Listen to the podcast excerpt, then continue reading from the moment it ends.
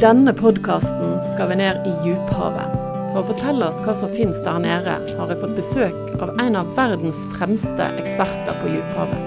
Rolf Birger Pedersen er professor i geovitenskap ved Universitetet i Bergen, og leder KG Jepsen-senter for dyphavsforskning. Allerede for snart 20 år siden var han sjøl med på dykk til 3500 meters dyp.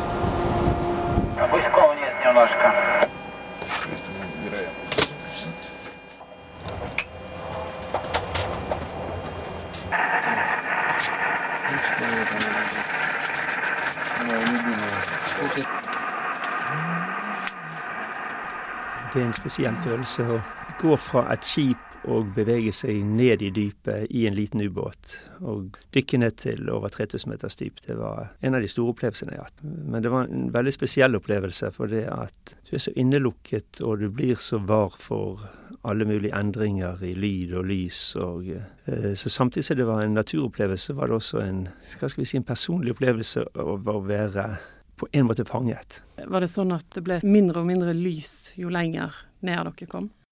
Ja, når du går gjennom overflaten, sånn som vi har gjort mange ganger når vi, når vi bader og dykker kanskje ned til noen meters dyp, så, så ser en jo endringer med det samme i lyset, det får en annen farge. Etter hvert som da ubåten beveger seg nedover, kommer ned til 100 meter, så forsvinner gradvis lyset. Ned til 200 meter, da er det nesten ikke noe lys igjen. Og når du kommer videre nedover, så blir det helt mørkt. Du går virkelig ned i et mørkt dyp hav. Og der har ikke vi sanser som egentlig fungerer. Vi må ha lys for å se noe. ting.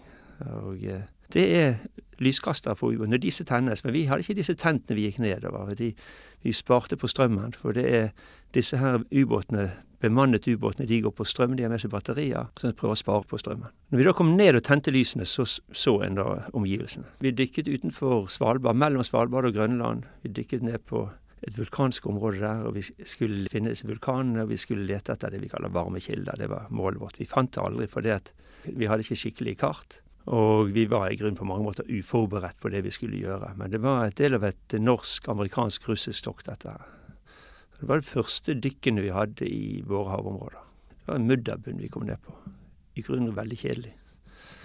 Og mesteparten av dyphavene på denne måten. Det er store flater med bare mudderbunn. Litt liv her og der. Det ble betraktet nesten som en ørken i dyphavet. Det er mye mikroorganismer, og det er mye mindre dyr som lever i sedimentene der. Men hval kan gå dypt ned. Det å se en hval, det er ikke så ofte en vil gjøre det. Men en kan høre lyden ut av hval.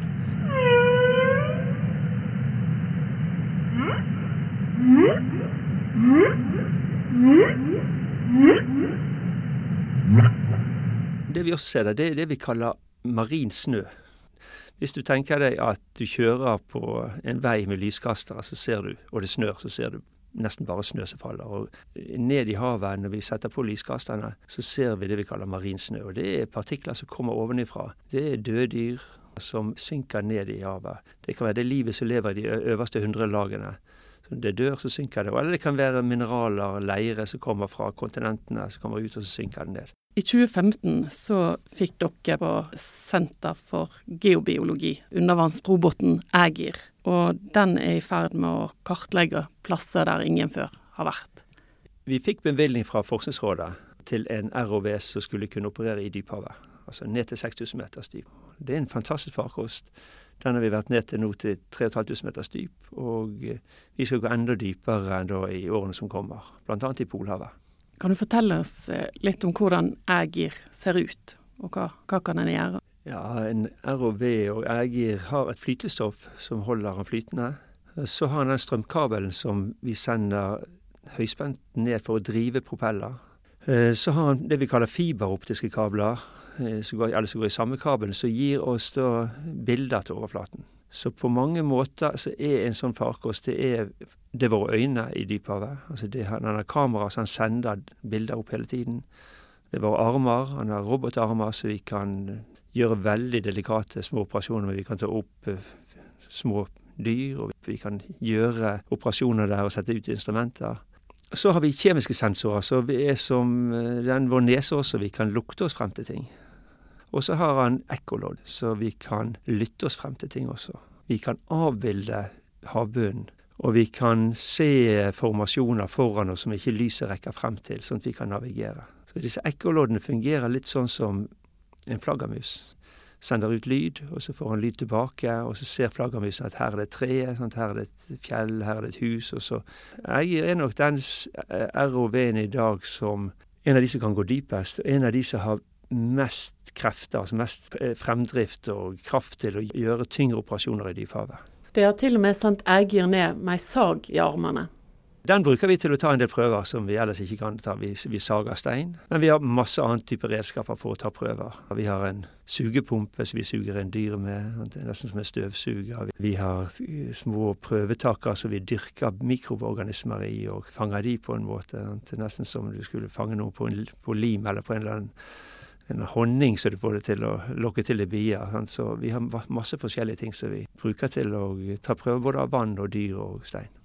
Du sa når vi snakka sammen på forhånd at de kommende ti årene resten av utforsking av dyphavet vil skje. Hva kan dyphavet forteller oss? Ja, Dyphavet rommer utrolig mange hemmeligheter. Pga. at det er jo da så utilgjengelig. Det er et sted vi har, har store problemer allerede også i dag å egentlig besøke. Vi kan besøke små områder av gangen. Og Etter hvert som vi kartlegger dyphavet, så får vi mer forståelse ut av planeten vår. Det representerer jo 60% av planeten. Så frem til de første dykkene ble gjort på 60-tallet, så var jo dette et et sted mennesket aldri hadde vært. Bare landskapet der, som jeg ofte sier til studentene vi drar på tokt. Nå skal vi ut og finne et nytt landskap. Vi skal finne nye fjell, vi skal finne nye daler, vi skal finne nye varme kilder. Så i dag kan vi dra på oppdagelse i dyphavet, i norske dyphav, og finne nye ting. Akkurat som vi gjorde på land, kan du si, for kanskje de første menneskene kom etter istiden.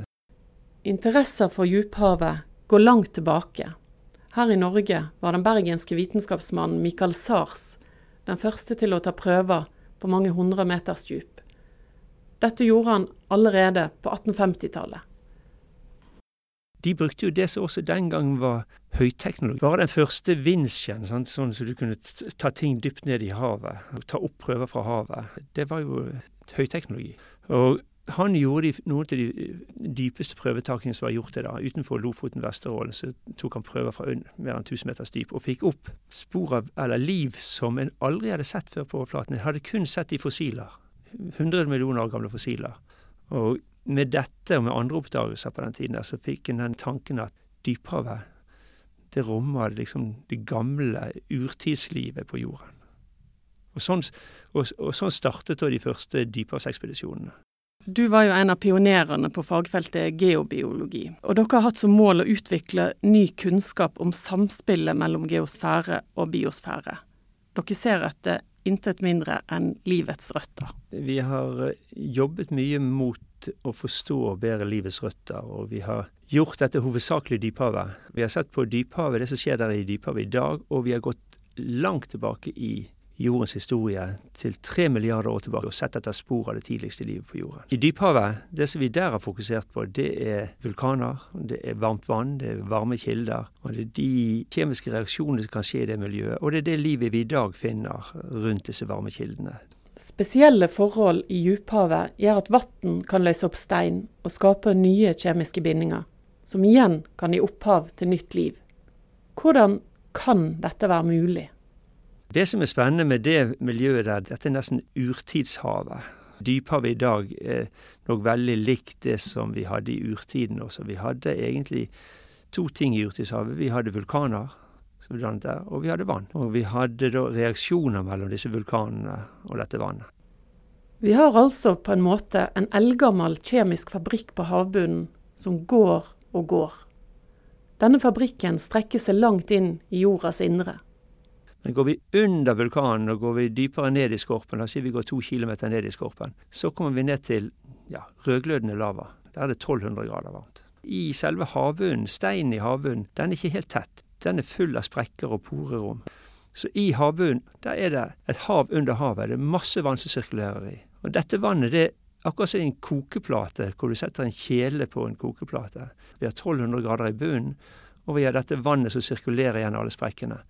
Og det går ned der og varmes opp til over 400 grader. Og så strømmer det opp til overflaten, og så får vi en, det vi kaller en varm kilde på havbunnen. Men det som er spesielt i dyphavet, det er at det er også en trykkoker.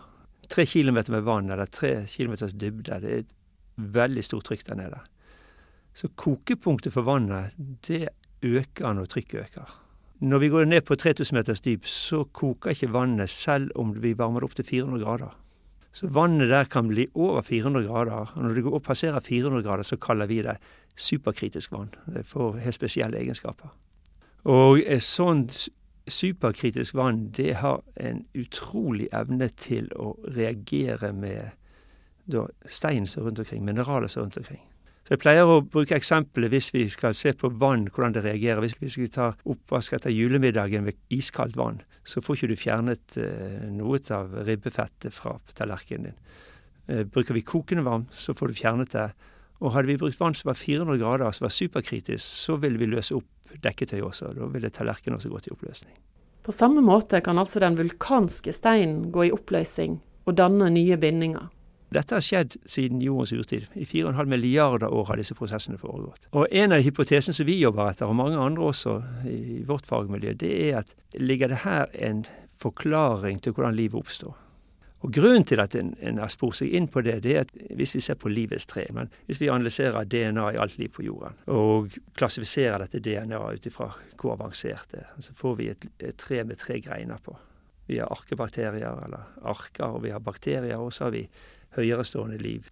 De dypeste grenene av disse, dette treet her, det er det, det vi kaller termofile bakterier og arkebakterier. Vil si at det er bakterier og arkebakterier som lever under høy temperatur. Og Det betyr at livets vugge, den var sannsynligvis varm. Altså Det var organismer som tåler temperatur opp til 130 grader. Og Derfor har en tenkt at ok, kanskje disse varme kildene i dyphavet, hvor vi har over 100 grader, dette kan være et miljø hvor disse aller tidligste organismene oppstår. Det forskerne tror, er at prosessene i havdypet ligner på de som ga grunnlag for liv i urtida, og at det er mulig at noe lignende kan skje på andre planeter. Og Det er jo derfor en også, når en nå ser på at det er liv på andre planeter, at det er liv på Mars, så er det jo denne type tenking jeg baserer det på. Og Derfor er alltid spørsmålet er det vann på Mars. Dersom det er vann på Mars, så kan det være liv på Mars.